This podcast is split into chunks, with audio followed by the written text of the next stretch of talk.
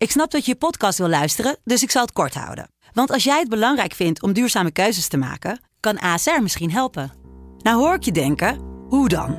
Nou, bijvoorbeeld bij het duurzaam herstellen van schade. Of de premies die we beleggen volgens ons duurzaam beleggingsbeleid. Dat bepaalt waar we wel en juist niet in investeren.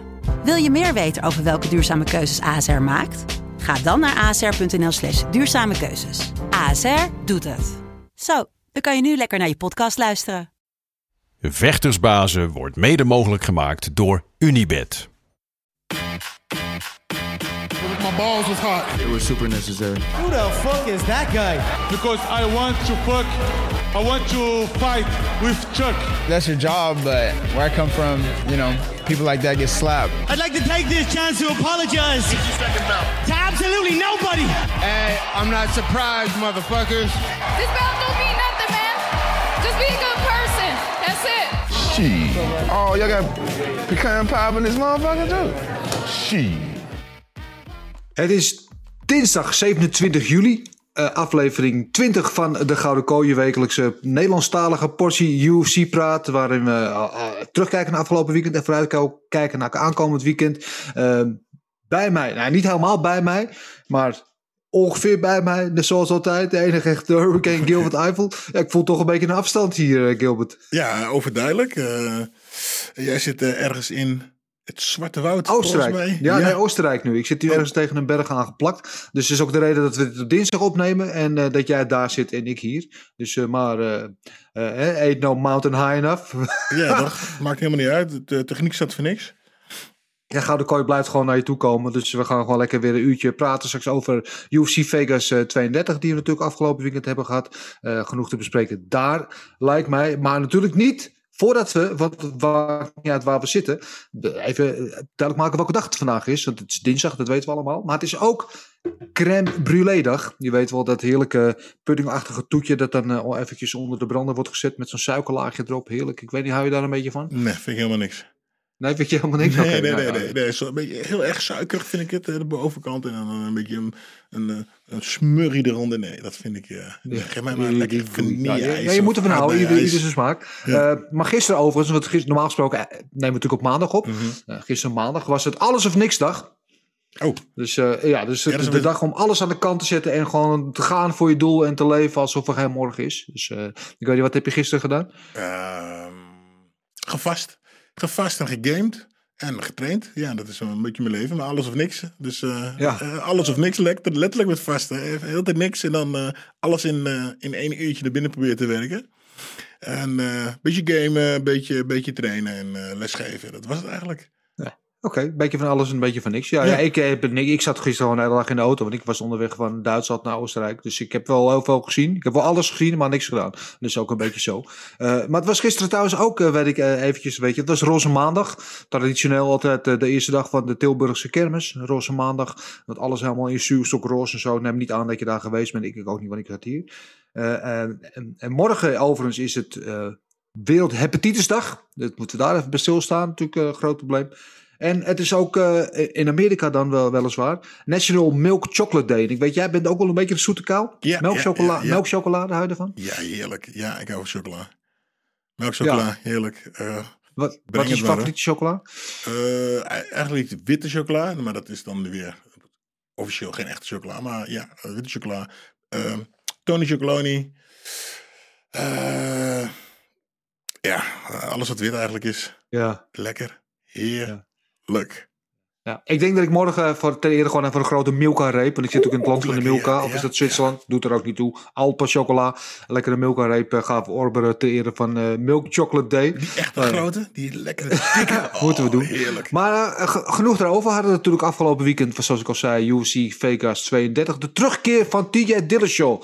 En eh, iedereen vroeg zich af hoe hij eraan toe zou zijn. Na 2,5 jaar weg zijn geweest wegens een EPOS-schorsing. Zij moest even op de blaren zitten. En eh, hij kwam tegen Corey Sandhagen. Dus niet de eerste de beste. Die is natuurlijk eh, nummer 2 gerankt in die divisie. En ja, hoe het ook zij, wat, wat je ook van die partij vond, wie er nou wel of niet gewonnen had. eh, hij zag er goed uit, TJ, of niet? 100%. En eh, ja, het gebeurde gewoon eigenlijk wat wij niet hadden verwacht. Hij eh, was gewoon, hij was super. Je kon eigenlijk niet zien dat hij, wat drie jaar niet had gevochten. Hij deed gewoon wat hij moest doen. Super, ik vond hem, ik vond hem, ik vond hem super vechten. Ja, ja, het was een partij. Echt, er zat eigenlijk er zat bijna niks tussen. Want ze hadden allebei hun momenten, ze hadden allebei hun rondes. Ehm, en het was 48-47 uiteindelijk voor TJ.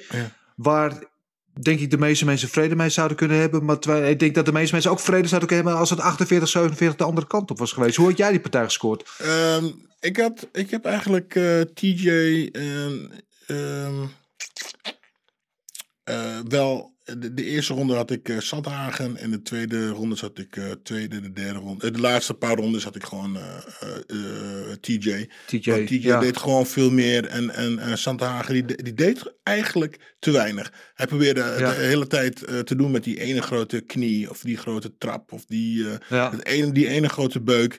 En dat, en dat, dat, dat draaien van die rug naar, eh, naar TJ toe de hele tijd. Dat, ja, Ja. dat gaf hem gewoon, eh, gaf hij zijn voorsprong. Als hij dan al een voorsprong had, gaf hij, eh, gaf hij gewoon weg. Hij deed gewoon te weinig. En TJ was gewoon Ja. heel hard aan het werken. En die deed gewoon veel en veel meer. Dus die pakte gewoon zijn puntjes. Ja, ja het, het, het was mooi natuurlijk wat Sandhagen is staat natuurlijk bekend omdat hij met die rare spinning attacks komt en die onverwachte eh, technieken.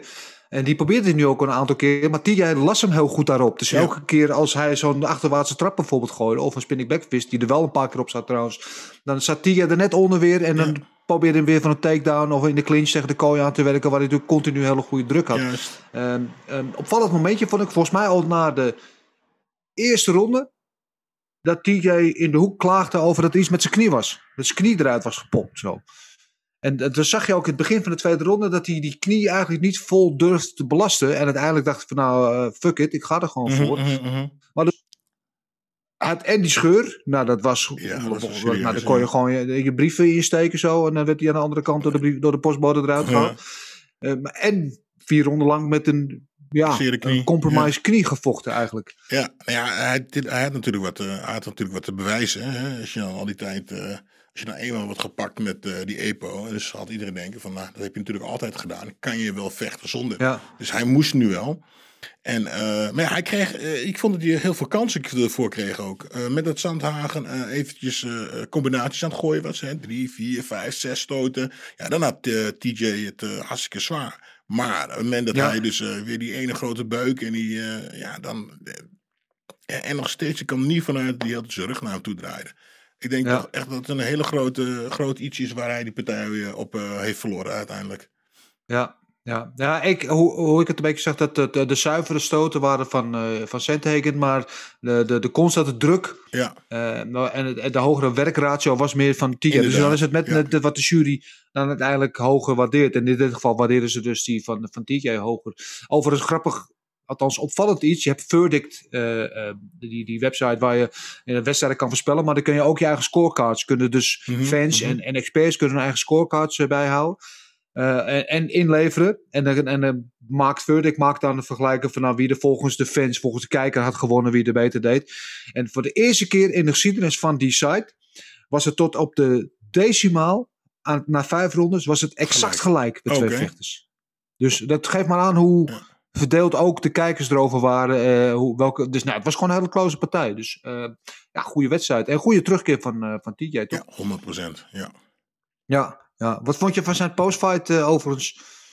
Heel eerlijk ben ik, ik ben niet van de postfights. Ik kijk tot de partij verder gedaan is en dan ga ik verder. Ik, eh, ja, nee, ik, eh, nee, ik ben niet van het eh, na, die, na de tijd gelul en voor de tijd gelul. Ik kijk ik nooit naar. Oké, ja. Nou, hij was vrij uitgesproken. Hij vroeg meteen om een title shot. eh, wat natuurlijk niet zo heel gek is, want hij was natuurlijk de kampioen. Maar hij was, ja, ja, ik weet het niet. Hij begon meteen van, I'm back bitch. En de bal. Ja, dat hoorde ik, Als ja, je, ja, ja, ja. als je twee jaar eruit bent geweest, want EPO. Maar misschien ben ik een oude zeikert. Past misschien een klein beetje meer, eh, hoe zeg je dat? Bescheidenheid. Ja, beetje je- je hebt meer humbleness. Inderdaad, je hebt je partij gewonnen. Top, weet je. eh, doe je verhaaltje. Maar ga niet meteen iedereen lopen uitdagen. Ja. Stoer lopen doen. Want ja, Ja. je bent nog steeds gepakt met dat spul.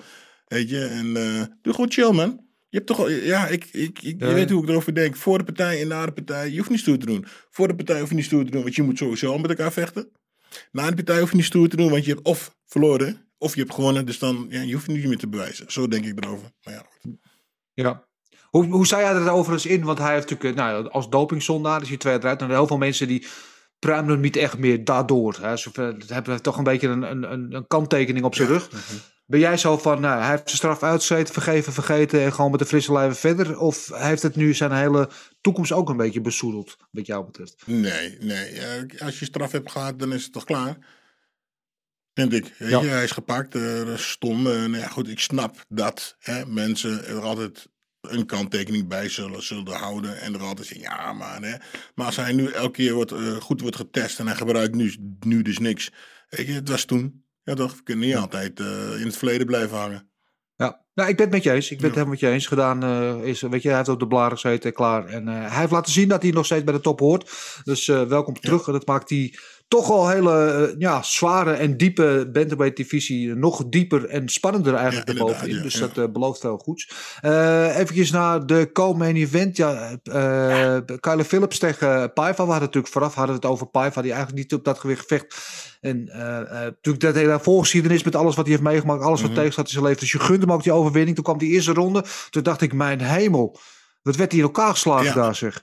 Ja, inderdaad. Hij echt, eh, ik, dacht, hij- ik dacht dat hij het is twee keer oud op zijn benen volgens mij. Ja, heel mooi op een stoot. Eh, het is dat eh Keiler, eh, die trok hem naar de grond. En, of net andersom. Eh Paiva kwam in, op de grond en die hield hem daar.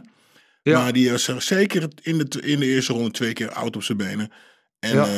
ja, ja, sterker nog, is. aan het einde van die eerste ronde, hij eindigt op de grond, hij zit en hij is zo kennelijk gedesoriënteerd of moe of aangeslagen dat hij niet eens op kan staan op zijn krukken te gaan zitten. Hij blijft op de grond ja, zitten. ja, ja. Ja, Volgens mij, maar dat bleef hij, dat bleef hij doen trouwens, toch? ja, dat bleef hij daarna doen, maar ronde, misschien ja. om de schijn op te houden. ja, misschien ook wel, ja. Nee, maar Ja. ja, ja dacht ik ook. En eh, trouwens, in, eh, en in de tweede ronde gebeurde het ook volgens mij een keer. In de derde ronde ook. En maar dan eh, toch kwam die, eh werd Keiler werd moe. En Ja. En toen draaide de partij een beetje om. Ja, nee, je zag het inderdaad. De tweede ronde weet ik niet hoe je die scoort. Eh, ik dacht dat Philips daar net genoeg had gedaan om die te pakken. En de derde ronde was duidelijk voor Paiva, want Ja. toen was de pijp bij Philips leeg. Mhm. En Paiva had natuurlijk goed die takedown in de tweede ronde. Maar eh, ja, als je naar die scorekaars achteraf kijkt. Want die eerste ronde, eh, dat ik even één stap terug ga. Als die eerste ronde tussen eh, Poirier en McGregor. Daar waren twee juryleden die, gaven een 10-8. Mhm. Als je dat een 10-8 geeft, dan moet je deze eerste ronde misschien wel een 10-7 geven.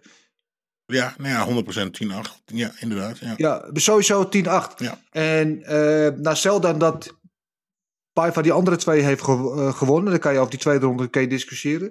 Dan is het, op zijn minst is het een draw. En draw, ja, ja, ja. ja. Ja. Hoe Paiva dan wint, met alle respect, want ik gun het hem van harte. Mhm. En hij heeft er hard voor geknokt en het is een geweldige comeback. Maar hoe hij dan wint, ik zie het niet. Nee, nee, ik ook niet. Ehm, inderdaad, een draw. Ik denk eh, de eerste ronde een 10-8. En dan... eh, ehm, ja, ik, eh, ik zou zelfs... de tweede ronde een... eh, ja, een drug. Nou, de, de laatste ronde eigenlijk een drug kunnen geven. De tweede ronde vond ik eh Pav- eh, eh, Pa- eh, Paiva toch iets beter. De laatste ronde had wel Ja. een drug kunnen zijn volgens mij. Maar ja, inderdaad... Ja. eh, ja, een, eh, 10-8 en een 10-9, 10-9. Dan heb je een eh, onbeslist, toch? Ja. Ja, want als in het gunstigste geval is de eerste ronde een 10-8. Dan kun je nooit op 29, 28 voor Paiva komen, toch? Nee. Dan kun je hooguit op 28, 28 komen. Of 29, 28 voor, eh, voor Philips. Philips, ja. Of 29, 27. Maar ja. Ja, eh, anyway, eh, we gaan het straks nog eh, meer over de juryleden hebben. We hebben bij de luisteraarsvragen daar ook veel vragen weer over. Er waren nog een paar momentjes op deze kaart die, nou ja, op zijn minst een beetje twijfelachtig waren. Bijvoorbeeld bij Miranda Maverick tegen Ja. Macy Barber. Mhm. Waarvan ik ook het gevoel had dat de Miranda, Miranda Maverick de eerste twee ronden won. Barber een hele goede derde ronde heeft. En die dan toch de partij krijgt. Eh, ik weet niet hoe jij die, naar die partij Ja, pre- precies dat. Ik, eh, ik dacht ook dat zij gewoon eh, sowieso de eerste ronde had gewonnen. Ja, en- ja. Ja. ik vond dat eh Barbara niet echt heel veel deed. Nee, kwam te laat. Kwam in de tweede ronde kwam ze wel al een beetje los. Maar vond ik dat Maverick daar nog genoeg deed om de ronde te stelen. Mhm. Oké. En de derde ronde was duidelijk voor Barber. Daar kwam ze goed, ook met ellebogen. en de ground and pound kwam ze, kwam ze goed voor, de, voor de dag. Eh, dus die ronde was voor haar. Daar zal geen twijfel over bestaan met niemand. Maar de eerste twee ronden dacht ik, nou, Ja. nou, nou, deed ze eigenlijk bijna niks. Ja, het was, eh, het was een beetje eh, ja, de dag van de juries. Ja, Van de het was, jury. dus- ja. ja. Welke momenten zag jij nog meer op de kaart of, qua jury dat jij dacht, nou, hier klopt volgens mij weinig van. Eh, geen idee, want volgens mij waren de rest was toch allemaal waren er heel veel chaos. Ja, ja er waren wel veel KO's. Ja. Ja, ja en, en de, de fan favorite, de partij waar ik het meeste naar uitkijk voor deze avond, naast natuurlijk eh, TJ tegen, tegen Sandhagen, was eh, Randy Costa tegen eh, Adrian Janis. Ja, heerlijke partij. Wat een partij, hè? Ja. Oh. Maar eh, verbazen dat die, die Costa in één keer zo in, increste. Want de eerste Ja. ronde was hij zo hard aan het domineren. En Ja. eh, de tweede ronde, eh, dat was zo afgelopen. De crashte die zo gewoon of de lampje ging uit. Maar je zag het ook niet eens aankomen. Je dacht van... De, hij, probeerde, hij kreeg een paar stoten, hij probeerde te shooten. Eh, dat lukte niet meer. En je zag in één keer desperate in zijn ogen. En eh, hij gaf het eigenlijk gewoon op. Ja, misschien te veel gegeven toch de eerste. Want de eerste ronde, hij zag een vlijmscherp uit. Die jab Ja. kwam echt kristalhelder door elke keer. Misschien toch te veel gegeven. Gewend om in de eerste ronde te winnen. Want hij heeft veel eerste ronde KO's achter zijn naam Mhm. staan. Iets te veel de pijp gelegen in de eerste ronde. En de tweede ronde vond Janis wat meer ja, zijn, eigen, zijn eigen ritme. Ja. En eh, ik, ik, was hij niet geblesseerd, want hij krijgt in het begin van de partij bezig en dat verstapte uh, Costa zich in één keer. Ja. En het lijkt, het leek of hij de rest van de partij een beetje de last van had. En hij kreeg gewoon Ja. een lelijke uh, uh, afhouders op zijn knie de, de hele tijd. Ik vind, ik vind het toch zo'n, nog steeds een dingetje hoor. Van uh, Ja. Janus. Echt heel lelijk. Maar uh, ja, gewoon in één keer licht ging, licht ging in één keer uit. De batterij was op, heel snel. Ja, ja, en geweldig hoe Jannes het dan met die, met die combinaties, met die lichaamstoten en die knie uh, afmaakt. Ja, eh, geweldig. En ik, ik ben ook fan van Randy Costa, maar ik ben zeker ook fan uh, van Adrian Janus. Ik vind het echt te genot om te kijken. Het klein, uh, klein vaakje dynamiet is het. Ja, zeker. Heerlijk. Ja, wat hadden we nog meer op die meekaart? Darren Elkins tegen, tegen Minner. Uh, Darren Elkins die in de eerste ronde, ik geloof, uh, submission uh, poging na submission poging moest overleven. Ja, ja, ja. Dat je denkt, nou, dat hij elk moment niet breekt, is een wonder. En, en opeens draait hij het gevecht helemaal om. Ja, gewoon zo'n zo, zo vervelende gast die, die gewoon niet kan pakken. wat voor submission je ook probeert, hij komt eruit en hij blijft maar grinden en grinden. En Ja. opstaan en weer een takedown en weer op je af en dan geef een beetje kapot. Weet je, het uh, ik, ik zeg het altijd, als jij wilt winnen, moet je als vechter drie keer zo hard weg, uh, werken als je tegenstander. Ja, en als Ja. je dat dus, uh, als je daar je conditie niet voor hebt, uh, want die uh, Mijner, Minner, ja, die, die was hard werken en werken en werken en werken en werken. En, uh, maar dat lukte hem gewoon niet. En uiteindelijk was, was bij hem ook, de batterij was op. En die derde, die, nam het gewoon even over. En die lekker op hem liggen. En die, die stond hem in elkaar. Ja, ja, het lijkt wel of je daar ook een patent op hebt, die Elkins. Want hij zei ook uh, van hoe grittier en bloediger en bloediger en, en viezer en, en ruiger het wordt, hoe beter ja. ik op mijn, uh, ja, op mijn gemak ben, hoe lekker ik het vind. En het lijkt wel dat hij daar een soort van handelsmerk van heeft gemaakt. Want hij heeft al een paar van dat soort wedstrijden gehad, dat ja. hij uit verslagen posities terugkomt. Dat je denkt, hoe, kan hij het allemaal...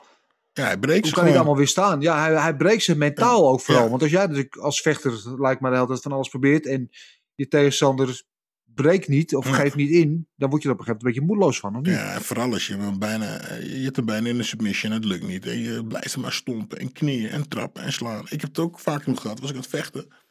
Gaf ik ze zo mijn hardste stoten, de hardste knieën en ze bleven maar staan. Ik, oh, ga nou liggen man, kom op. En ja, je geeft me, weet je, niet wat je, weet je niet meer wat je moet doen. En als je dan nog terugkomt en bovenop je gaat zitten, ja, dan breek je gewoon. Ja, Ja. Met wie heb je dat gehad? Een voorbeeld? Zat er eentje Uh, ja, Bob. Bob, eh, Bob, eh, Ja. Bob 1. Oh, en Bob 3 ook. Man. Ja, Ja. de- en ja en eh, gewoon meerdere wedstrijden ook. Eh, volgens mij Sammy Schild ook. Ik een paar keer dacht ik, van, oh, ga nou neer man. Maar dan, dan bleef ze weer opstaan. Ja, Sammy is natuurlijk zo lang. Op moment dat Mhm. hij, eh, als hij neergaat, het duurt natuurlijk een tijd voordat hij op de grond is. Ja, die komt gewoon weer bij. Ja. weer op. op, weg van de- op weg naar de grond heeft hij alweer tijd erbij te komen. Ja. Nee, maar vooral met Bob, weet je. Je geeft Ja. je beste knie en de beste klap. En dan hoor je hem. uh, uh, en dan kijkt hij aan. en dan, komt hij gewoon. Ja. dat is niet goed voor je zelfvertrouwen.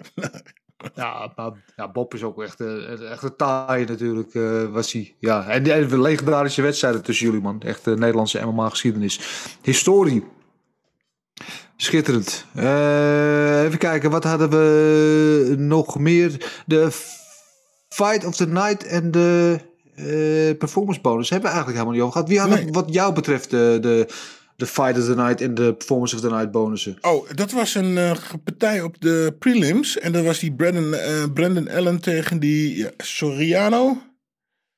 Eh, Ja? Ja, wat een partij. Ja. Die sloegen elkaar echt in elkaar. En die, en die Soriano die kreeg trappen op zijn lichaam, trappen op zijn lichaam. En die bleef gewoon vooruit voorkomen. En die kwam gewoon terug. Ja, ik vond... ik, die ik vond Soriano deelde ook al beuken uit ook. ja. ja, ik vond dat de partij van de, partij van de, eh, hoe noem het? Partij of the Night en Performance of the Night. Want als jij, hij krijgt zoveel trappen, zoveel trappen. En dan, nou ja, goed, Performance of the Night moet je waarschijnlijk gewoon supergoed zijn. Maar hoe hij incasseerde, ja, ik vind ik ook een performance, man. Hoe hij Ja. aan het incasseren was. En hij nam het gewoon en gewoon door en gewoon door. Ja, toppartij vond ik dat. Ja. Ja, nou je hebt de, de Fight Night heb je niet goed, want dat is geworden Pa- Paiva tegen Philips. Eh, valt ook wat voor te zeggen of niet? Ja, ja, ja, ja, ja 100%. Dat eh, ehm, ben ik helemaal mee eens. Eh, kan ook. Ja, ik had, ik had het op die andere gegeven, maar ja, het was een geweldige partij. 100% gewoon een geweldige partij. En weet je, hij kreeg, die Paiva kreeg gewoon een pak rammel. Hij ging een paar keer eruit. En dan, nou goed, of het dan echt eh, verdiend is. Hij vocht ze keihard terug en eh, dan wint hij de partij. Nou, nogmaals, of het echt verdiend is, is het tweede. Maar ja, ik vond het een goede pot. Ja, dat geef ik die partij voor de... eh, mag ook, 100%. Oké, Nou, die kreeg dus de, de 50k voor eh, de Fight of the Night. En de Performance of the Night bonus is ook 50.000 dollar. Alle, alle twee zijn voor eh, Adrian Janes en voor Darren Elkins. Ja, daar kunnen we ook weinig van zeggen, toch, denk ik. Ja, nee. Ja. Overigens, eventjes eh, door alles heen nu we er zo over praten. Het thema van de avond was wel comebacks eigenlijk, hè? Is dat zo? Nou ja, als ja, je kijkt... oh, ja, eh, op die manier wel. Ja, ja, ja, ja, ja. Derden en, en dingen natuurlijk die eh, achter, achterliepen eh, en, en die gewoon die partij omdraaien. Ja, Die Paiva die, eh, die was op sterven na dood na de eerste ronde, die wint de partij. Elkins Inderdaad. die eh, lag eh, onder vuur de eerste ronde, die wint de partij. die zou Macy ja. Barber met een beetje goede wil ook nog een comeback kunnen noemen. Want Ja. die verliest eigenlijk gewoon deze twee ronden. ja, inderdaad. En die Janus ook. Ja, dus er waren wel een aantal partijen tussen waar ik denk, nou, eh, dat, zijn, eh, dat zijn wel knokken, zeg maar. Nou ja, en eigenlijk de, de main, main feit ook. Want ik denk niet dat weinig mensen hadden eh, TJ hadden, hadden, verwacht, dat- hadden verwacht dat TJ zou winnen. En Wij ook helemaal, niet. En helemaal niet toen hoe de eerste ronde begon. Nee. Nee, en wij, wij hadden alle drie. En dat is natuurlijk altijd een beetje het riskante als iemand zo lang is weg geweest. Je weet ook niet hoe die terugkomt. Er bestaat zoiets als ring rust of cage rust. Nou, dit bestaat dus niet kennelijk. eh, voor TJ in ieder geval niet. Eh, maar ja, dat was een beetje het vraagteken wat we allemaal hadden. En wij dachten allemaal, Corey Sandhagen, de laatste wedstrijden goed bezig. Ja, Title contender. ja. En we van een grote naam winnen van TJ. En dan krijgt hij zijn title shot. Ja. En Ja. ik, ik denk misschien dat eh eh eh, Sandhagen een, eh, een klein beetje uh, lak over na heeft gedacht, een beetje. Weet je, gewoon, want als het moment dat hij gewoon zijn armen liet gaan, zijn benen liet gaan en lekker bezig was, was, er- ja, dan was hij gewoon aan het winnen. Maar Ja. eh, Ja. eh, Ja, ik zou het nog wel een keertje willen zijn, zien hoor, deze partij. Daar heb ik helemaal geen moeite mee. Als ze dat nog, niet meteen, en- maar als ze het rematch, op een gegeven moment nog een keertje doen. Ja. Zou ik eh, helemaal geen probleem vinden. Eh, En ik, ik, en ik dat naar zijn rug draaien de hele tijd. Ik, eh, ik zag hem trouwens één of twee keer de, naar de benen gaan. Ik denk, nou, hij heeft iets van die, eh, hoe heet die, Rijnhal? Eh ja, Rijnhal toch, die grondvechter? Die Ja. ook van die rare dingen deed de laatste keer. ja, Ik denk, misschien heeft die partij van hem te veel gekeken of zo, maar... ja. Ja, Zonde. ja hij, zei, hij zei zelf achteraf dat hij dat deed op zichzelf te beschermen. Dat hij ook in dat soort posities, dat hij eigenlijk geen schade opliep. Dat het meer een verdedigende pose was. Ja. Ja, nou, sorry, dat heb ik niet zo goed gezien. Ik denk, als jij, als jij een tegenstander gewoon, eh, als je sprawlt en je hè, face-to-face, dan kun je wat doen. Maar op het moment dat je met je kont naar hem toe staat, zie je niks. Nee, Oké, beetje apart. nee, nou ja, maar goed. Het, eh, het heeft voor hem gewerkt, dat op zekere hoogte. Nou, niet, verloren. Maar, Ja. We- genoeg gelul daarover. We gaan naar de, naar de, de, de, de luisteraarsvragen. We hebben weer een aantal binnen. Onder andere natuurlijk uiteraard van eh, Jan van der Bos, onze vragensteller OG via Twitter. Wat vinden jullie, en dat is dan met name aan jou geadresseerd Gilbert, wat vinden jullie van Bare Knuckle? Ja, geweldig. Klaar, nee. Vind je geweldig? Ja, nee, geweldig. Ja, Ehm, eh, ik zit nu al de laatste. Ik zou eigenlijk, wat is het, september? Afgelopen september zou ik eh, een knuckle eh, eh, partij met ellebogen zou ik doen. Die is helaas niet doorgegaan. Ehm, en nu zit er, zit een, een knuckle partij zit een beetje in, hoe net in het verschiet. Ik, we zitten in Dubai, in Engeland. We zijn een beetje aan het rondkijken. Ik ben er al wel aan voor het trainen. Ja, denk als je dan toch MMA hebt gedaan en een kickboksen en whatever dat ik allemaal heb gedaan. Ja, dat kan dat nog even op het lijstje. En per knokkelpartij, want wie heeft het nou ooit gedaan? Ja, op straat vroeger, maar ja, het is toch het, eh, het echte van het echte. Ja, het is wel de meest puur. Ja, ik heb zelf altijd een klein beetje. Ik weet, aan de ene kant vind ik het heel vet. Aan de andere kant denk ik al van ja, het is niet goed voor je gezondheid als je er een carrière van probeert te maken. Maar, dus ik ben altijd een beetje in dubio erover wat ik er nou van vind. Eh, het is natuurlijk wel de meest pure vorm van vechten. Ja. Ja, en voor mij Ja. is het, eh, ja, dat zoals je zegt, puur, de meest pure vorm van vechten. En ik, zou, ik doe het ook puur eigenlijk alleen als ik goed betaald word. Want ik ben eh, buiten, ik, ik ben natuurlijk pers- personal trainer. En na zo'n partij, een grote kans dat je een pols of een vinger of een hand of iets breekt. En dan ben je zo eventjes twee, een maand, twee, drie maandjes uit de relaties, relatie. Dus ja, eh, nee, dat, het moet wel wat tegenover staan. Maar ja, weet je, Ja. om dat te vertellen, ja, je hebt daar in die kooi of eh, gestaan met blote handen. Ah, Toch wel mannelijk hoor. Maar zou je dan eh, bijvoorbeeld, stel dat je de keuze, keuze hebt, ik weet niet wat het aanbod is, maar je hebt natuurlijk dat bare knuckle boxing, zoals bare knuckle FC. Mhm. Maar Jorge Masvidal is nu zijn eigen promotie begonnen. Mhm. Eh, Gamebred Fighting, wat bare knuckle MMA is. Ja, maar ja, dat is eigenlijk gewoon MMA. Ja. Ja, nee. Maar dan eh, zonder ja. handschoenen, dus Ja, wel is met de, de eerste UFC, zoals ze de, als ze de eerste UFC deden. Nee, ik zou het dan eh, echt op het, eh, op het boksen willen houden. Ik heb Op MMA, op MMA gedaan, dat is allemaal leuk. En ik wil sowieso, wilde ik altijd al een keer een partij boksen. Nou, als ik het dan op deze manier kan doen, ja. Nee, dan zou ik toch voor het uh, Benokkel boksen gaan. Leuk. Heb je trouwens van de weekend gezien nog, Paige en, en Rachel? Ik heb stukjes voorbij zien komen. Ja. Ja, ja. Niet Ja. verkeerd toch? Nee, helemaal niet verkeerd. Heerlijk. Die dames, die klappen er goed op. Heerlijk. Eh, tot zover de vraag eh, van Jan. We hadden eentje via, van Bart Muller, ook via Insta. Wie moet de volgende tegenstander van TJ worden? Nou, gaan we het zo even over hebben eh, in de matchmaking sectie. Koen Laurens via Insta. Sandhagen versus Rob Font. Is dat de fight to make? Vind ik een hele logische. Gaan we het ook zo verder over hebben. Eh, we hebben zowel Joep Schaverus en Marcel 1983 zijn benieuwd naar de mening van Marcel. Eh, Marcel is nog niet bij ons, dus die gaan we hem zo stellen als hij er is.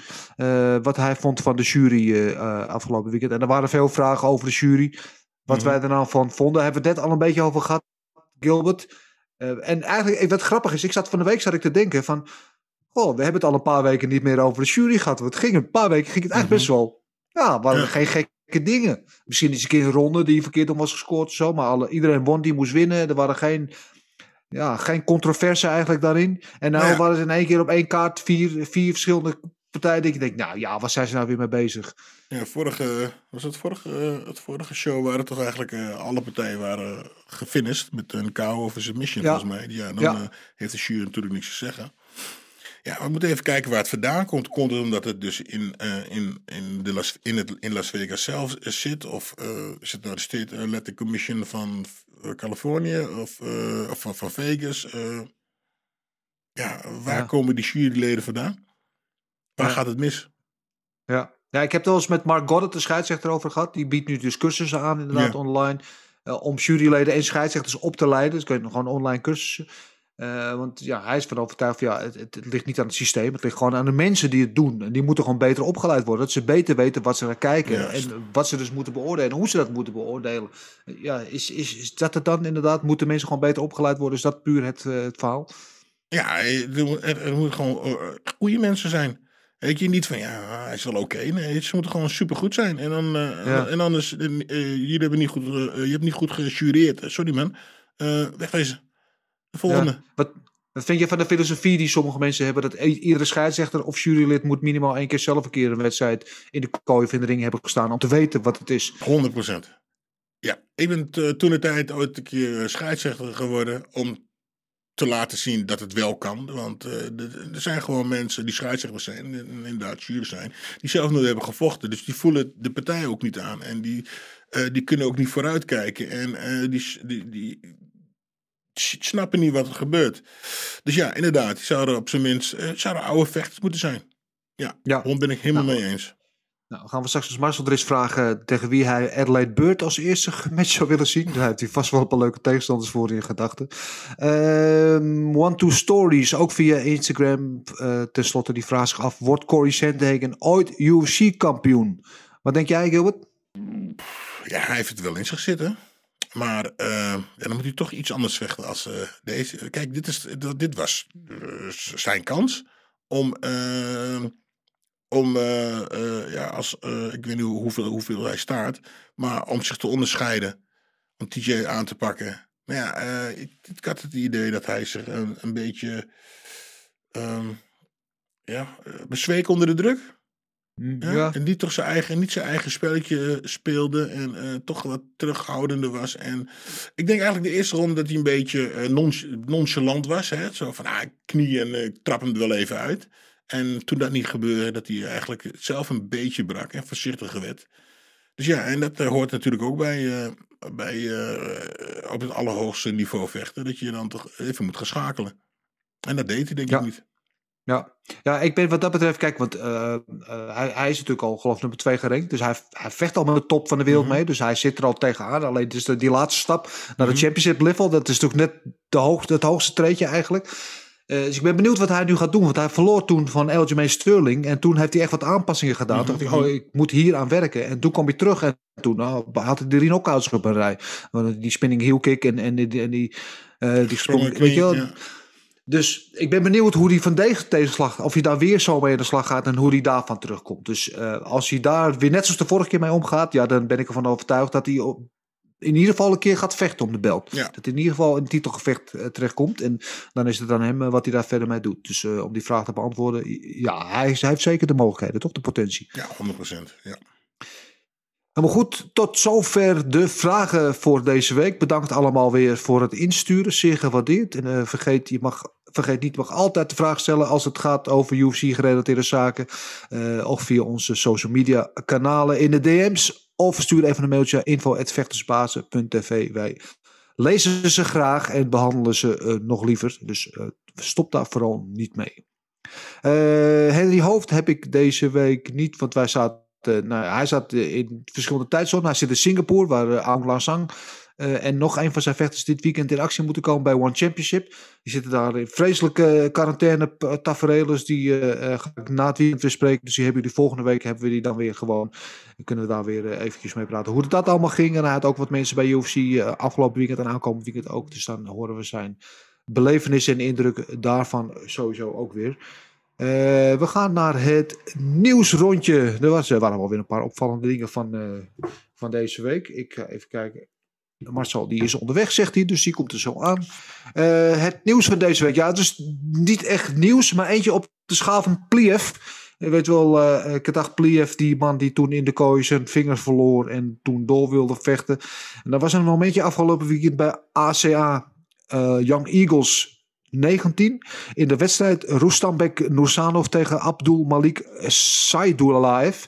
Uh, okay. Ja, heb, ik weet niet of je dat hebt gezien toevallig, Gilbert. Nee, ik heb het heel Het is alleen gezien. echt voor mensen met een sterke maag. We hebben natuurlijk afgelopen keer met Conor McGregor gezien dat het voetje de andere kant op ging. Uh, deze kwam in een takedown slash submission soort armbar terecht en die viel op zijn arm en dat hele armpje dat draaide. De, uh, nou ja, de elleboog draaide zeg maar de kant op die het niet op hoorde draaien.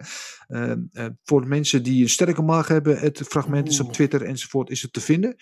Uh, voor de mensen met niet zo'n sterke maag zou ik zeggen, doe het niet, want het is een vrij akelig gezicht. Maar het was, wel, het was wel meteen over. Het was wel duidelijk, ja. deze man kan niet meer verder, maar die arm die was, uh, nou, die was niet meer daar, zeg maar. Volgens mij gebeurde dat, dat vorige week, vorige week of twee weken geleden ook in uh, KSW. Ook de ja. takedown gedaan en de jongen zet zijn hand uit en zijn elleboog stond de andere kant op. Ja. ja.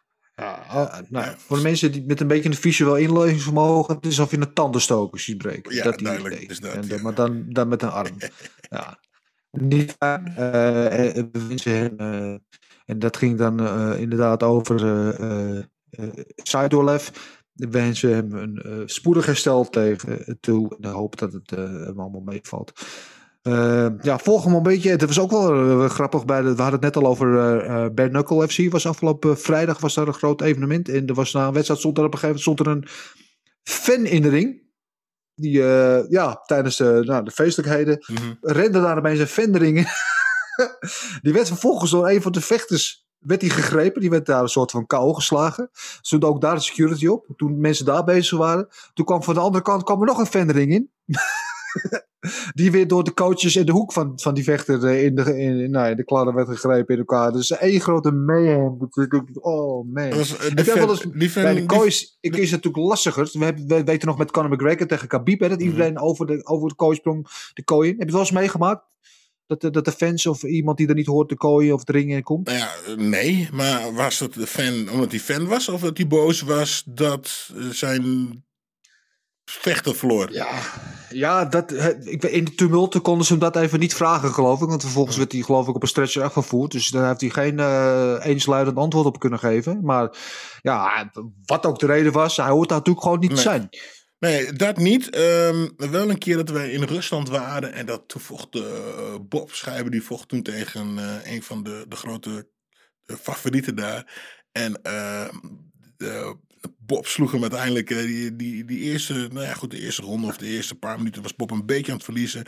Maar Bob die kwam natuurlijk terug zoals Bob dat kan. En die sloeg die gast in elkaar. En dat vonden ze niet leuk. En toen liep even het halve stadion, die klom bijna de ring in. Of de kooi in. Dus toen, eh, ja, dat was eh, eventjes vijf tot 600 Russen om die kooi heen.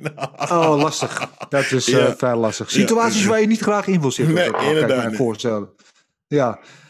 Ja, en ik weet dat we natuurlijk allemaal nog het moment met uh, Myrtle Groen had eh, bij Inderdaad, Glory. ja. Toen hij tegen Harut Grigorian vocht. Met eh, eh, nou, Protect Yourself at All Times. Mhm. dat hij hem van achteren neersloeg. En dat er toen opeens eh, twee man de ring insprongen Ja. om uh, Myrtle een pakje te geven. Dat is natuurlijk ook ja, een lelijke situatie. En dat, is, ja, dat ma- mag gewoon nooit gebeuren. Dat, dat is ook een dingetje voor de security, denk ik altijd maar dan. Maar ja, als er inderdaad. 500 Russen zijn, kan ik me voorstellen dat ze het niet. Nee, precies. Dan, dan doe je niks. Dan, kijk, ja, dan doe je helemaal niks.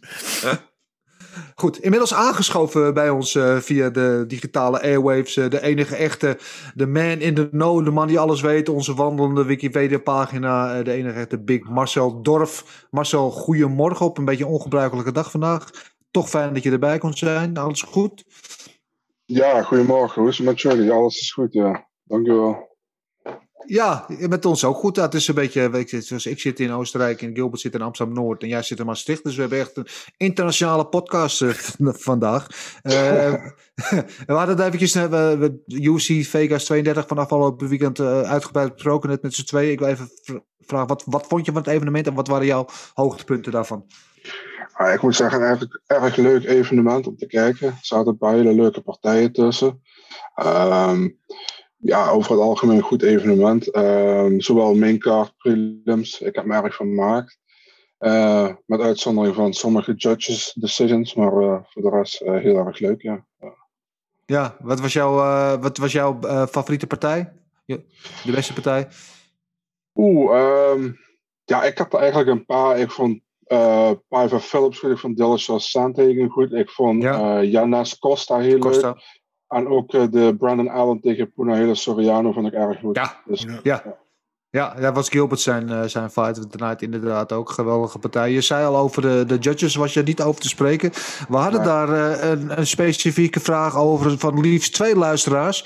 Van Ja. zowel Joep Saveris en eh, Marcel die 80, wat in de naam. Eh, we waren benieuwd naar jouw mening over de jury. Dus nou, hier zeg je, je hebt een minuut, brand maar los. nou ja, ik had ehm ja, beetje Barber, Miranda, Maverick. Eerste twee rondes gewoon voor Maverick, vond ik. De derde ronde voor Barber.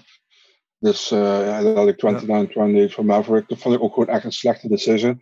Ehm Paiva, Phillips. Eerste ronde wat mij betreft 10-8 voor Phillips. Tweede en derde voor Paiva had een draw moeten zijn. Ja. Dan ben ik vaak wel blij dat er geen draws zijn, omdat je dan geen winbonussen wordt uitgekeerd in de UFC. En dan houden ze zowel een winbonus van de een als van de ander in de zak. Dus dat betreft, nou ja, goed. Maar uh, aan de main event, ik had Dallas, of ik had Sandhagen. Maar die was wel close, dus die vond ik niet eens zo erg. Ik vond Barber Maverick vond ik wel de ergste, denk ik. Ja, ja, ja, dat hadden wij dat ook al besproken. Dat was, uh, ja, ja het, het, ik zei het tegen want we hebben een paar weken was het eigenlijk vrij rustig met de, met de judges. Hadden we weinig echt grote dingen om over te klagen. Maar uh, het lijkt wel of ze het allemaal gespaard hadden voor, uh, voor één dag. Allemaal ja, voor onvoorstelbaar, man. Ja. En het ja, ergste is ook nog gewoon die, die Barber tegen Maverick. De slechtste judge aller tijden, Chris Lee, die had het gewoon goed gescoord. dat is toch het ja. grappigste eigenlijk, maar goed. Ja. per ongeluk. Wat per eraan? Ja, per ongeluk verkeerd, uh, ja. verkeerd, verkeerd ingevuld. ja, ja. ja, we hadden het net al eventjes over de, wat, wat doe je eraan om die juryleden beter te maken. En, en, en Gilbert is een groot voorstander van dat alle juryleden en scheidsrechters minimaal één keer zelf in de ring en kooien hebben gevochten om te weten waar ze het over hebben. Uh, dus mijn vraag aan jou is, als we Adelaide Bird gaan matchen, tegen wie uh, gaat zij de kooien? Uh, laten we gewoon weghouden bij de kooi. Allemaal op. ik, ik, ik, ik heb wel een, een, een, idee daarover, maar het is wel extreem. Uh, ik had altijd gezegd van, zet ze buiten het evenementencentrum, zet ze een bunker apart van elkaar. Dus niet bij elkaar in een ruimte, apart van elkaar. Uh, geluid, geluid dicht. Geef ze tien schermen waar je alles op kan zien. Uh, geef ze het geluid van in de kooi. Geef ze niet het geluid van de, van de commentatoren. Inderdaad. Uh, geef ze niet het geluid van het publiek, want dat kan ook uh, beïnvloeding hebben als, uh, als je bijvoorbeeld in Brazilië vecht of waar dan ook. En zegt ze ook vooral niet wie wie is. Laat ik het zo zeggen, maar je zegt gewoon red corner, blue corner. En laat ze judgen. Snap, ik, snap wat ik bedoel? En ze moeten ja. elke ronde moeten ze een kaartje geven. Niet dat ze eventjes kunnen aanpassen. Want wat ik het idee een beetje heb bij Barber tegen, tegen Maverick bijvoorbeeld, is dat Maverick de eerste ronde had gewonnen. En Maverick had ook de tweede ronde gewonnen. Wel misschien iets closer, maar ze had hem wel gewonnen. Maar dat die judges dan denken van... Oh, het zou wel leuk zijn als die derde ronde beslissen. Dus, dus maakten we er 1-1 van maken. Ja. Dat wat ik bedoel. Dus uh, ja, dat, dat lijkt mij uh, een goed idee. Het is wel een beetje ja. extreem, maar ja. ja beetje als, anders. beetje als de kroongetuige bij de Holleder uh, Ja, ja ik bedoel, waarom niet? Dat is ook belangrijk. Mooi. Uh, we waren bezig met ons uh, nieuws van afgelopen week. We hadden het net al over die fan uh, bij Bare Knuckle Fighting Championship. En er was nog een momentje met Hector Lombard en Tyron Woodley die daar een akkefietje leken uit te vechten. En dat bleek later te gaan, zagen we op een Instagram post van Hector Lombard. Dat die al een paar jaar beef hebben. Ze zijn natuurlijk oud teamgenoten bij American Top Team. En daar was er ooit een incidentje dat Woodley zou geprobeerd hebben de vriendin van Hector Lombard. Eén van de twee vriendinnen, zei hij er eerlijk bij. Dat was ook nog een dingetje op dat moment. Uh, uh, zijn vriendin in te pikken. En daar had hij hem eventjes mee geconfronteerd. En het leek in het uh, videootje in ieder geval dat wordt hij heel nou, schuldbewust en excuses aan het maken was. Dus nou ja, laten we hopen dat die twee de strijd wel begraven hebben. Of misschien ooit nog een keer Ben ook al gaan doen met twee. Dat kan natuurlijk ook prima. Dat verhaal lijkt me gezet daar. Uh, wat hadden we nog meer? Ja, we hadden Conor McGregor. Waar zouden we zijn zonder Conor? We moeten hem natuurlijk op zijn minst één keer noemen elke week in het nieuwsrondje. Nu was er weer een berichtje van Dana White.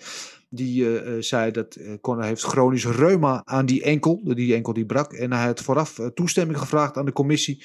Om ook met ingetapte enkels te mogen vechten. Dat heeft hij uiteindelijk niet gedaan. Wat de reden daarvan wist, wist Dana ook niet. maar dus om eventjes maar te bevestigen dat er inderdaad wel wat aan de hand was. Nou vraag ik aan jullie allebei van, is dit echt zo of is het uh, ook onderdeel van de grote Conor Indek operatie? Tja, geen idee. Je hoort Wie natuurlijk... mag beginnen of ik mag beginnen? Ah, ik, ben, uh, ik heb het genomen. Ik heb de microfoon genomen. Um, ja, ik heb geen, idee. Geen idee. Um, je, hoort het, je hoort het nu steeds meer. Hè. Er zijn... Uh, je die foto's dat hij al getaped rondrent in de sportschool. Uh, nou, het kan zomaar kunnen, weet je. Maar ja, uh, dat, dat, hoort bij het vechten. Ja. Ja. Uh, Marcel, wat zijn jouw gedachten? Zal ik het netjes houden? Geen idee. ja, met andere woorden, ik wil er geen woorden aan vuil maken. Dan laat het daarbij. Ja, ja, ja. Ik, ik, ik, het, het zou natuurlijk kunnen, en, uh, als het zo is. En uh, het zou wel een en ander verklaren. Aan de andere kant denk ik, ja, het is natuurlijk wel een klein beetje. Hij is ook een beetje de, de, nou, het troetelkindje van. Uh, en natuurlijk het, het, geld, uh, hoe zeg je dat? De cash cow van, uh, van Dena. Dus hij doet natuurlijk alles om te beschermen. Daar lijkt het een beetje op. Maar misschien ben ik nu wel heel erg cynisch aan het doen. En is dit inderdaad gewoon allemaal waard? We zullen het nooit weten. we moeten ons eigen mening daar maar over vormen. Op basis van we wat we eh, weten. Uh, ja, dan eentje die vond ik wel opvallend. Het Stipe Miocic, die uh, liet in Instagram-post weten dat hij een beetje boos is over de hele gang van zaken in die heavyweight divisie. Boos omdat hij moet wachten uh, op, zijn, uh, op zijn rematch met Francis Ngannou. Want hij zegt, waarom krijgt DC mocht wel maar wachten en krijgt meteen rematches en trilogies en ik moet wachten op die en die en die en die. En die, die daar leek daarbij ook met One Championship te flirten. Nou, lijkt me dat niet heel ja, wat moet hij dan doen eigenlijk? Behalve misschien geld ophalen. Uh, Marcel, wat denk jij daarover? Ja, ik weet wat jij erover denkt trouwens. Jij vindt dat hij moet, niet moet zeuren. Ja, kijk, hij heeft wel een punt met dat van DC natuurlijk. Ja. DC kreeg wel alles wat hij wilde. Maar ja, DC heeft die, uh, heeft die de, zoals ze noemen, sommige vechters hebben Dana White privilege. Dat heeft DC, dat heeft Michael Chandler, dat hebben bepaalde vechters hebben dat. Conor McGregor heeft dat. En Stipe, ja. Miocic heeft dat niet. En uh, ja, kijk, ik vind aan de ene kant, hij heeft duidelijk verloren de vorige partij tegen Ngannou. Um, nu is het even tijd voor anderen, weet je. En um, hij, hij, kan zich weer terugvechten, 100%. Maar uh, ja, ik snap zijn punt wel wat hij maakt met, uh, met DC. Dat hij het wel meteen kreeg. En dat was destijds ook niet terecht. Want toen zat ook een Ganu in de, wacht, in de wachtkamer. Die heeft daar ook anderhalf jaar volgens mij in moeten zitten. Ja. Dus zijn punt is zeker valide. Maar aan de ene kant vind ik ook, het is terecht om een andere een kans krijgen even. Ja, ja ik, ik snap hem wel aan de ene kant ook. Want bij hem gaan de jaartjes natuurlijk ook uh, tellen. Dus hij, ja, als hij nog twee jaar moet wachten, want dat kan zomaar zijn. Uh, ja, dan is het niet bevorderlijk voor zijn houdbaarheidsdatum natuurlijk. Nee, 100%. Ja. Dus uh, ja, ja ik, ik, zie zijn punt zeker. 100%. Oké, nou ja, uh, maar dat hele One Championship, dat moeten we maar niet serieus nemen, toch? Dat lijkt me, ja, moet hij dat doen? Ja, dat is een beetje, een beetje uitdagen, denk ik, van, uh, van die UFC. Ja, ja. ja. hij heeft gewoon een contract nog eens, zover ik weet, dus dat lijkt me mm -hmm. niet. Uh, nou, Marcel, nu je toch aan het praten bent, laten we gelijk jouw uh, laatste matchups voor de komende tijd, die deze week bekend zijn geworden, maar erin fietsen. Ja, het zijn er niet heel veel, moet ik zeggen, maar laten we beginnen op 23 oktober. Uh, Livia Souza tegen Randa Marcos. Randa Marcos krijgt alsnog een kans in de UFC. Ja, Na die gelukkig. Vorige keer. Ja, ja, ja, zeker. Ja, dat was ook een ongelukkig moment een beetje. Mm -hmm. Ja, dus mooi. Uh, ja, mooi voor haar. Dan hebben we een partij uh, op, uh, 200, op UFC 267 Abu Dhabi. Michal Oleksiejczuk tegen Shamil Gamzatov in de light heavyweight divisie. Ook een aardig gevecht, denk ik. Ja.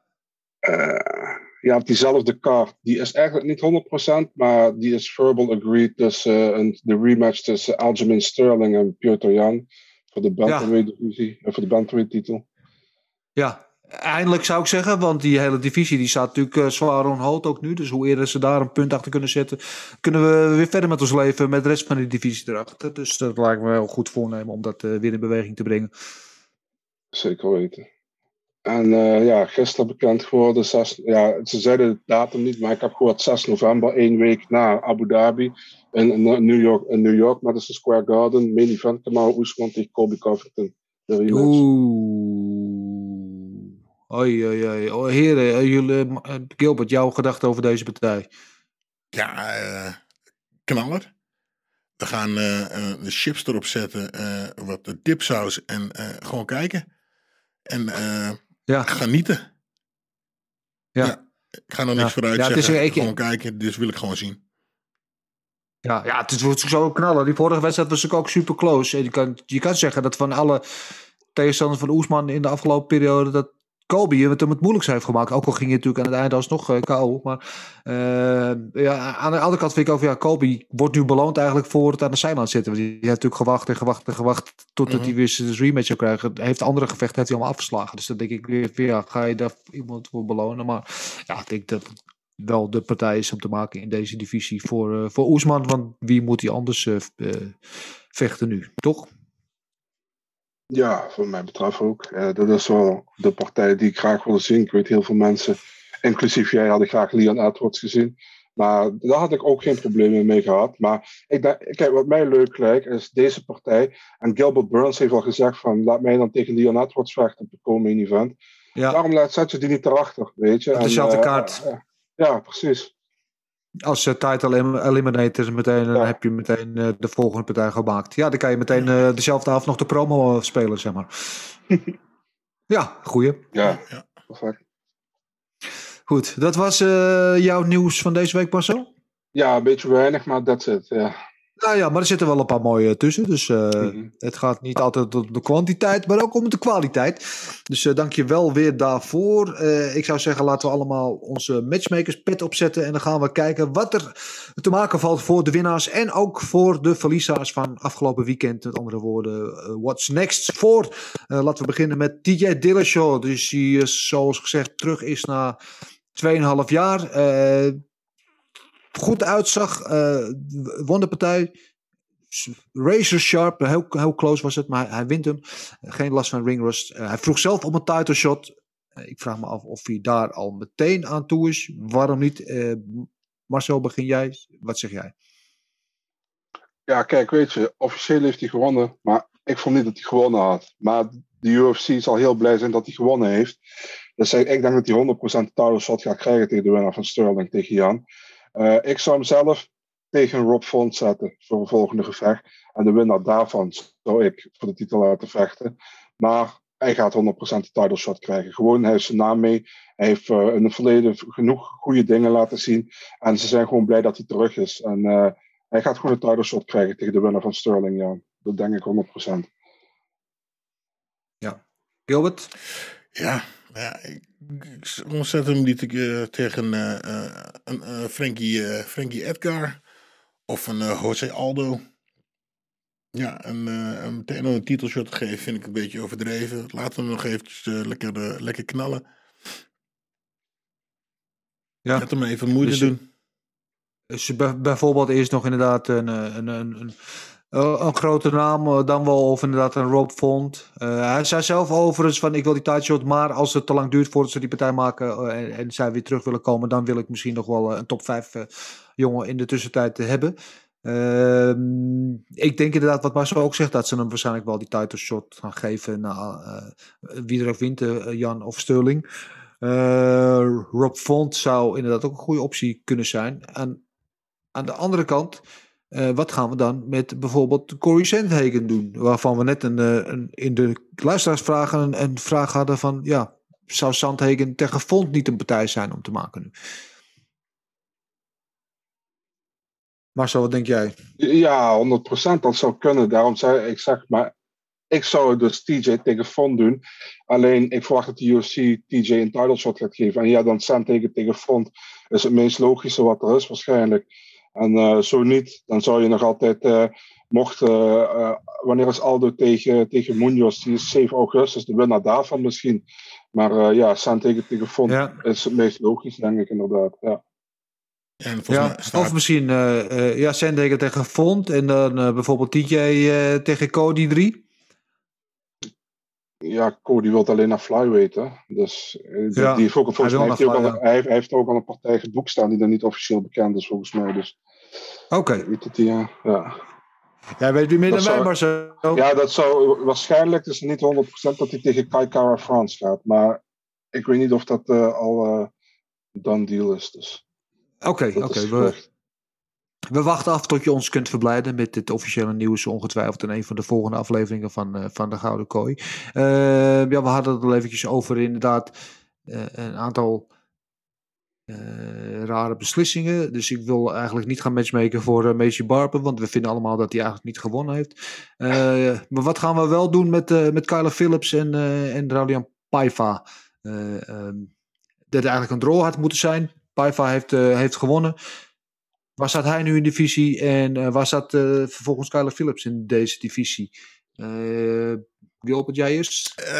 ik ik neig toch weer naar een, een, een rematch ik, uh, ja, ik, uh, ik zou deze een, een, ik zou een rematch willen zien op deze, op deze partij. Ja, vooral omdat het inderdaad zo close was. Als het inderdaad een rol had moeten zijn, ja. dan is dat inderdaad helemaal geen gek idee. In ieder geval, wat mij betreft, heeft Kyla Phillips in ieder geval geen plek toegegeven op de ranking. Dus uh, ja, als hij uh, niet voor die rematch in, in komt, dan zou hij gewoon wel, wat mij betreft, in die top 15 uh, mogen eh, mogen blijven kijken qua, eh, qua matchup. Eh, Marcel, heb jij nog gedacht hierover? Ik zou graag Kyler Phillips, Sean O'Malley willen zien. Dat zijn teamgenoten, dus die partij gaat niet komen. Ehm, ja, Kyler Phillips. Eh, misschien tegen Leoni Barcelos. Misschien tegen Ja. Julio, Julio Arce, die er heel goed uitzag, vond ik. eh, ook afgelopen zaterdag. Zeker, zeker. Ja, misschien dat. En eh voor Paiva weet ik niet, man. Is, eh, hij komt eigenlijk van flyweight af. Het is heel moeilijk om dat nu in te schatten tegen wie hij hem gaat zetten. Dus Ja. Ja. Ja, ja, hij is, ik begreep wel, want, want hij komt ook van Flyweight af. En hij was ook eigenlijk volgens mij ook een invaller in deze partijen. Ja. maar dat hij dat dit wel goed bevallen is, eh Bantamweight. Dus wie weet dat hij eh, de overstap definitief maakt, dat hij ook in die Bantamweight divisie blijft. Alhoewel dat natuurlijk wel veel zwaardere en diepere divisie is en eh, minder snel succes te halen valt voor hem. Dus ja, daar ligt het ook een beetje aan wat mij betreft, wat we met hem zouden gaan doen. Ik zou ook graag wel die rematch willen zien hoor, tegen Kyler Phillips, want het zat zo, was zo close en het was zo'n attractieve wedstrijd die eigenlijk gewoon twee gezichten had. En why not? Wa- Waarom zouden we dat nog niet nog een keer willen zien? Eh, dan had ik er nog eentje op mijn lijstje staan. Natuurlijk eh, de publiekslievelingen. De, de, de Reese tegen Dr. Pepper wedstrijd. Alle andere, andere, andere woorden. Randy Costa tegen Adrian Janis. Ehm, ja, Janis wint. Maar allebei winnaars in mijn ogen. Eh, wat gaan we met hun doen? Begin jij maar Marcel. Ehm, ik zou Janes zou ik tegen iemand laag in de top 15 of net buiten de top 15 laten vechten. Ik, ik zie Janes wel. Ik, ik, denk dat Janes tegen, te- tegen Barcelos zou wel een leuke partij zijn, denk ik. En ehm, gewoon sowieso, Janes goed staande, Barcelos ook. Dus dat lijkt me een leuke partij. En Costa, Costa is 2-2 in de UFC. Maar is volgens mij wel, de, de, is wel het beste record 2-2 in de UFC. De beste vechter met een 2-2 record in de UFC. Ehm, ja, vind ik moeilijk, man. Mi- Misschien, eh, misschien tegen Smolka. Als dat, Ja. eh, ja, als dat enigszins eh, iets zou doen tegen Smolka misschien. Of Ja. tegen de winnaar van aankomend weekend. Tegen de winnaar van Yaya tegen Kyung Kang. Zou ik ook mooi vinden. Een van die twee. Ja, eh, Gilbert, jouw gedachten daarover? Ja, sorry. Ik ken eh, eh, deze jongens niet goed genoeg. Ik heb ze zien vechten, maar die, iedereen onder de, onder de top 15 ken ik nog niet goed genoeg om ze daar te kunnen plaatsen. Iedereen die een beetje in, de, in die range zit, inderdaad. Ja, dat zou dat allemaal niet zo, niet zo gek zijn. Eh, sowieso is het, weet je, tegen wie is ook zegt, ik vind het beide zo attractief om naar te kijken. Elke wedstrijd is eigenlijk goed, elke matchup die je met hun maakt. Maar ze zijn toch twee vechters die altijd zelf het gevecht willen brengen en eh, kunnen brengen. En ik heb eh, met name over uh, Janus heb ik eh, hele hoge hoop dat hij het nog verder gaat brengen in deze divisie. Want het is gewoon een, kleine vaakje dynamiet en ja, niet kapot te krijgen. Zoals we gezien hebben, want ook in de eerste ronde tegen Costa kwam hij behoorlijk onder vuur te leggen. Hij pakte zich, stelde de gameplan bij en wist alsnog de KO overwinning binnen te slepen. Dus ja, daar verwacht ik veel van nog. Uh, dan gaan we inmiddels naar ons laatste, maar misschien wel favoriete onderdeel. Die voelen allemaal aanknopen. Gokken op knokken! En we gaan vooruitkijken naar UFC Vegas 33. En het is een beetje een puin op die kaart. En dan zeg ik het heel zacht uitgedrukt. In de laatste 24 uur nog twee partijen van de mainkaart uitgevallen. Uh, dus we gaan zo goed en zo kwaad als het gaat, gaan we toch proberen deze... Uh, deze kaart te voorspellen. De main event die is ongewijzigd gebleven. Dat is uh, Uriah Hall uh, tegen Sean Strickland. Dat is een gevecht op uh, middelgewicht. Uriah Hall opent daar als de underdog op plus 180. Terwijl die achtste gerankt, hoger dan de 11 gerankte Strickland. Oh. Tegen min 225 dan voor de favoriet Sean Strickland. Ehm, ja, het een, een wedstrijd van een beetje de ja, nieuweling tegen, tegen oud-gediende mag ik niet zeggen, want John Strickland loopt natuurlijk ook al heel lang mee. Uh, maar in de UFC gezien, zeker is Uriah Hall natuurlijk een, al een beetje een oud-gediende. Marcel, wat is uh, jouw, wie is jouw winnaar in deze partij en hoe? Um, ja, allereerst leuke matchup denk ik, een close matchup. Um, ik, ik ben zelf wel, uh, ik, ik, vind Hall wel beter geworden de laatste tijd. Hij heeft ook vier op rij gewonnen. Uh, daarvoor zat hij echt te struggelen. Had hij zomaar vijf op rij kunnen verliezen. Want die Jotko, wat hij won, dat was ook een comeback win van hem. Um, ja, weet je, kijk, die Whiteman, kun je dat echt als een win zetten? Ja, officieel wel. Maar ja, dat ja. was zo, zo vies en daar kon oh, hij ook niks aan doen. Hij is de enige vechter die een wedstrijd heeft gewonnen zonder een single strike te geven. Staat in de recordboeken. Oké, okay. zelfs Damien Maya heeft al, heeft al een keer een strike gegeven tijdens de partij, of niet? Ja. Ja? Oké. Okay. uh, als je kijkt naar Sean, ja, Sean Strickland vecht echt sterk de laatste tijd, man. Uh, ik, ik vind hem goed. Uh, heeft alleen verloren in, zijn laat, in, de laatste vier jaar van Kamaru Usman en van Zaleski dos Santos. Um, ja, Strickland deze partij winnen. En ik denk ook dat hij Hall gaat finishen, man. Ik denk dat hij hem TKO pakt, derde ronde. Dus uh, ja, voor mij Sean Strickland hier. Ja, ja, Sean Strickland heeft natuurlijk wel, uh, in ieder geval uh, qua grappelen heeft hij al de bovenhand, denk ik. Maar hij heeft ook dynamiet in zijn handen. Aan de andere kant heb ik met Uriah Hall een beetje dat, dat ik ook heb met Derek Brunson. Dat is een beetje de, de comeback man. Hij heeft zichzelf een beetje opnieuw uitgevonden. Waar veel mensen hem op een gegeven moment al een beetje hadden afgestreven. Plus Uriah heeft het vermogen om altijd wat onverwachts te doen. We weten allemaal nog uh, hoe die uh, onze eigen Gegard Moussassi op tevoorschijn nam. En, ehm, en ik denk dat het inderdaad een heel close gevecht is. Ik, denk, ik vind het een heel attractief gevecht. Maar ik ga hier toch voor de oude veteraan Uriah Hall. En ik denk dat Uriah Hall... Want uh, Strickland kan finishen, maar kan ook gefinished worden zelf. Uh, het in het verleden bewezen dat hij zijn kind niet 100% van graniet is.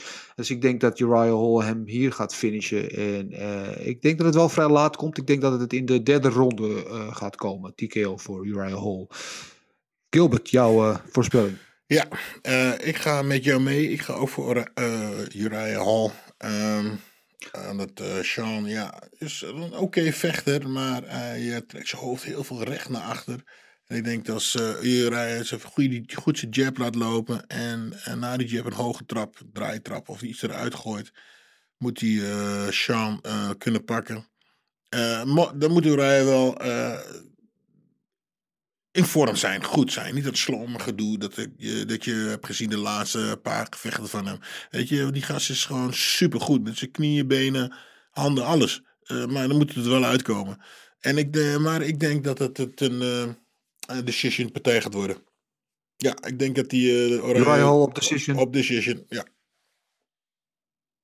Helder, die uh, kaarten zijn geschud. Dan gaan we naar de co-main event. Dat zou eigenlijk een... Uh, nou, nee, het gaat te ver om dat een Marcel Special te noemen, toch Marcel? Want het was wel een heavyweight partij, maar het waren twee gelijke heavyweight.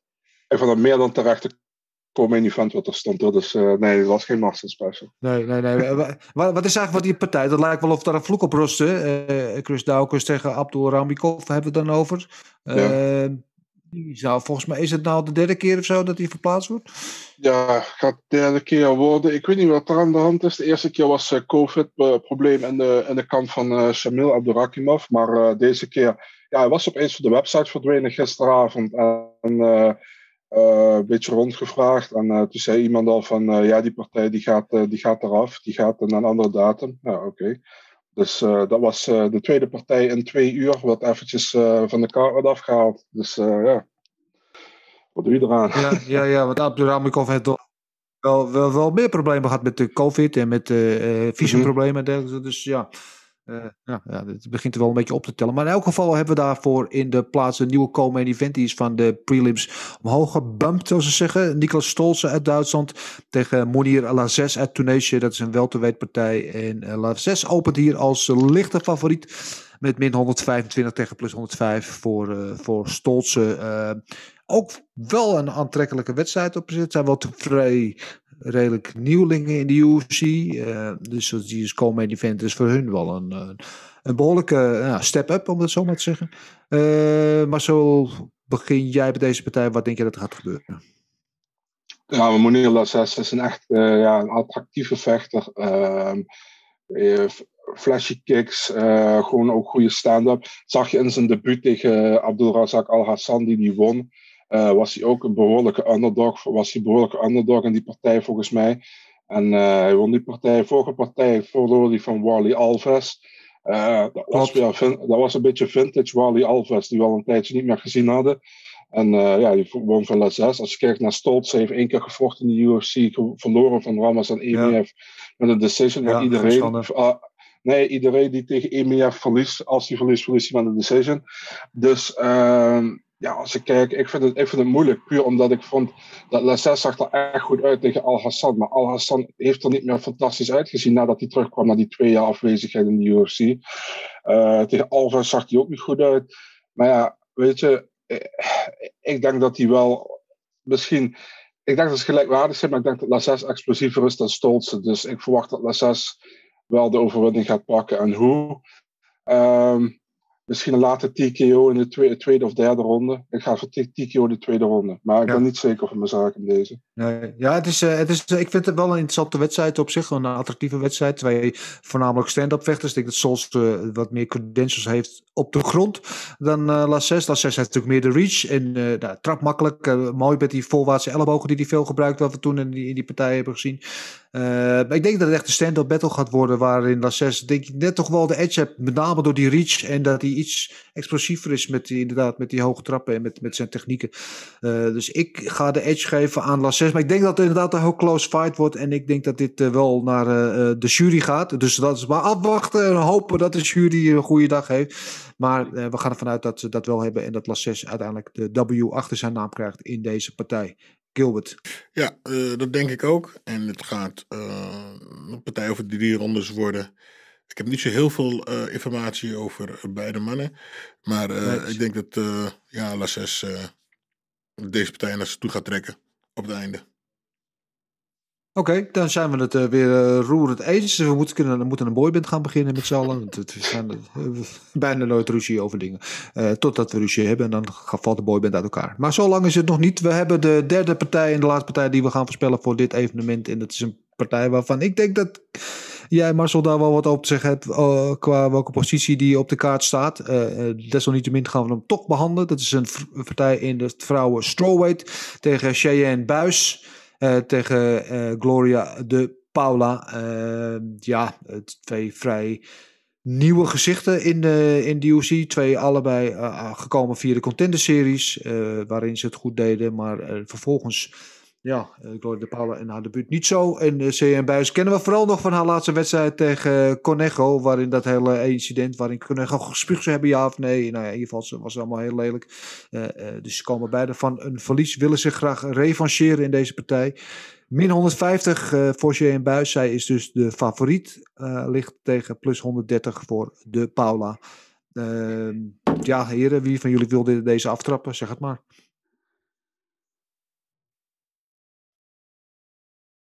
Niemand wil, dan zal ik het, uh, zal ik het dan maar doen.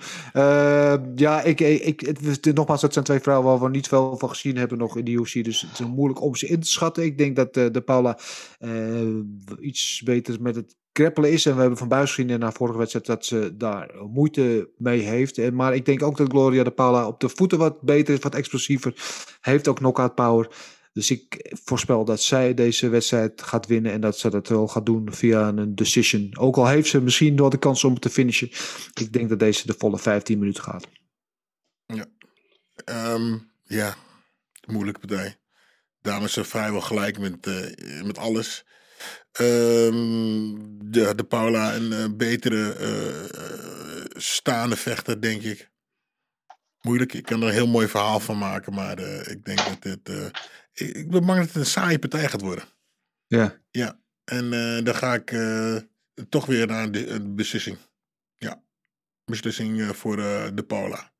Beslissing voor de Paula. Twee maal in de pocket. nu Marcel, jij de derde. Ga je nog een beetje dwars doen? Of ben je het weer met ons eens?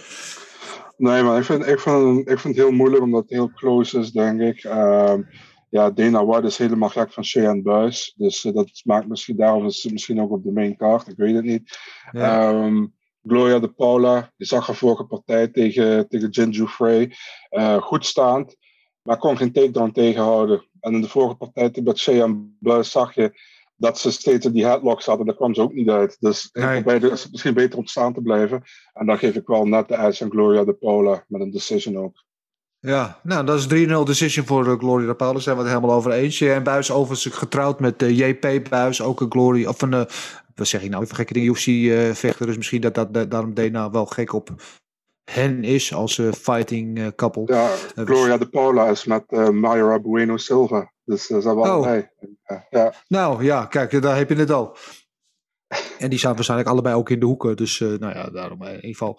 Dat uh, zijn onze voorspellingen voor deze week. Overigens hebben wij natuurlijk in een klein comité met elkaar besloten dat we de, de, de, de stakes een beetje gaan verhogen voor het gokken met knokken. Dus we gaan vanaf deze week, dus deze drie partijen tellen voor het eerst mee voor onze nieuwe ranking. Dus heren, wees gevreesd en pas op. Uh, we gaan de punten uitdelen en dat wil wel zeggen één punt uh, voor de winnaar als je die goed voorspelt, twee punten voor de methode en drie punten uh, als je ook nog de ronde hebt. Dus er zijn in totaal zes punten per partij te verdienen. En als je nou ook nog de techniek goed hebt, dan krijg je bonuspunten. maar dat is voor de echt een geluksvogel dan wel connoisseur. en we gaan dit seizoen gaan we het zo bijhouden. En de, zet er wat op het spel. We gaan shoeies uitdelen. En daar laat ik het even bij. Iedereen is behoorlijk stil en dat is terecht, want dat wil niemand. Dus uh, heren, doen jullie best. De race is geopend en de shoeies uh, gaan uitgedeeld worden Let's over enige go. tijd. Dus, uh, dat gezegd hebben we verder op deze mainkaart nog Ho Rang tegen Rani Yaya, Ryan Benoit tegen Saruk Adashev en Brian Barberena tegen Jason Witt. En uh, er zijn ook een uh, prelims, maar die zijn een beetje door elkaar geschud. Dus die kun je zelf vinden op de website van UFC.com. Zijn we aan het einde gekomen van alweer een Gouden Kooi. Aflevering 20. Heren, ik vond het weer een genot met jullie te praten.